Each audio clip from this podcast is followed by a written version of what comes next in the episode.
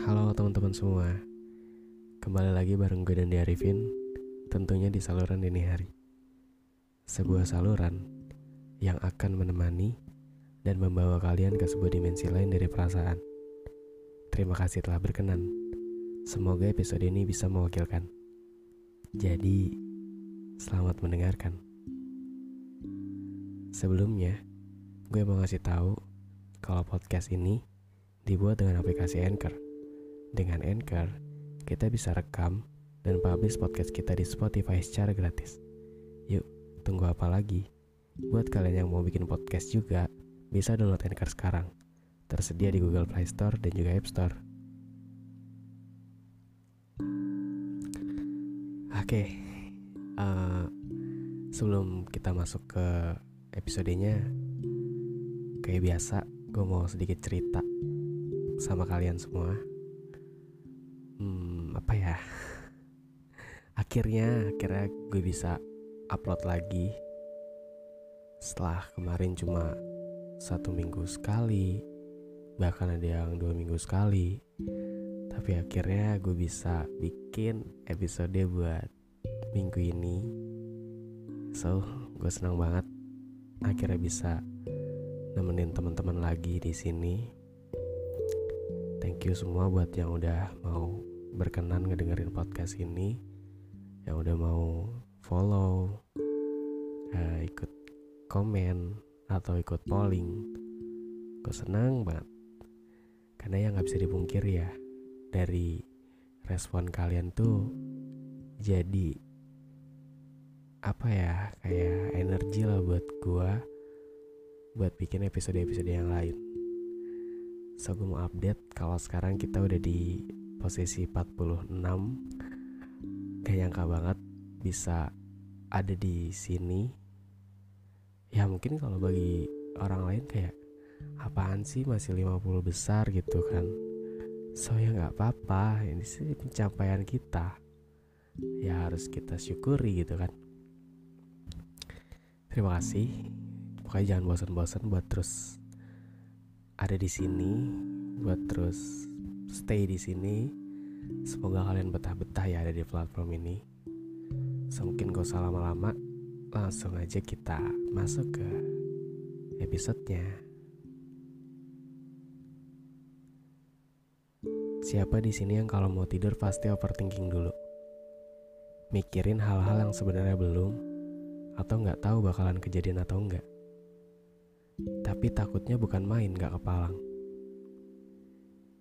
Kita pasti pernah kan ya mikirin sesuatu secara berlebihan. Sampai kadang-kadang ngebuat kita jadi gak tahu nih harus apa.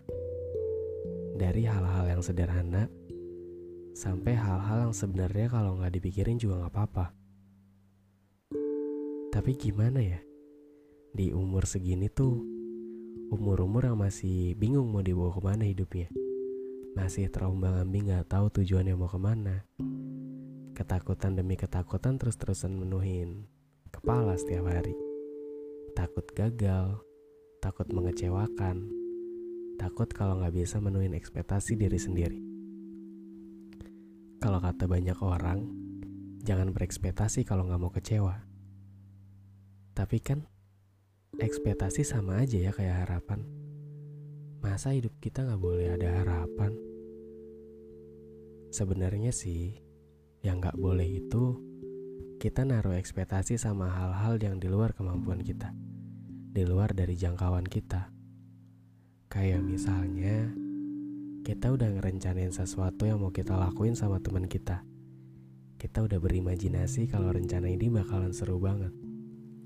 Tapi, kita lupa ngasih satu tempat buat kecewa. Kita kan gak pernah tahu ya, orang lain itu kayak gimana. Bisa aja hari ini bilang iya, besoknya tiba-tiba bilang enggak. Kan kita juga nggak bisa prediksi itu semua. Orang lain itu di luar dari jangkauan kita. Jadi intinya, boleh berekspektasi, tapi nggak boleh berlebihan. Jadi kalau nantinya nggak sesuai, kita udah siap sama kecewanya. Tapi gimana kalau ekspektasi itu ke diri sendiri? Kan sering tuh ya, Katanya, kalau sumber kecewa yang paling besar itu datangnya dari diri sendiri. Kita ngerasa kayak gak mampu buat ngewujudin semua. Kita ngerasa kayak gak pantas buat mimpi-mimpi yang sebenarnya kita buat sendiri. Padahal ya, sebenarnya kamu itu gak gagal. Cuma mungkin belum berhasil. Tapi ini bukan kata-kata penenang ya. Gini, misal kalian punya cita-cita kayak ah gue pengen nih jadi penulis. Gue pengen punya buku. Terus kalian juga mikir nih bisa atau enggak ya? Akhirnya kalian coba buat nulis. Kalian coba buat kirim naskahnya ke penerbit buat diterbitin. Terus naskahnya ditolak dengan alasan gak memenuhi kriteria. Itu bukan gagal tapi belum berhasil Katanya kan alasannya nggak memenuhi kriteria. Berarti kamu bisa dong buat revisi tulisan kamu sendiri biar bisa memenuhi kriteria. Intinya sih, coba lagi aja. Kan katanya banyak jalan menuju Roma. Gak ada salah buat nyoba lagi.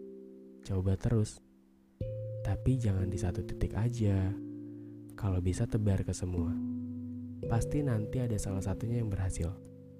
Percaya deh, gak ada proses yang mengkhianati hasil. Tenang aja, ini bukan soal kita mampu atau enggak, tapi ini cuma soal waktu. Contohnya kayak, tahu kan lagu Komang yang lagi hit sekarang?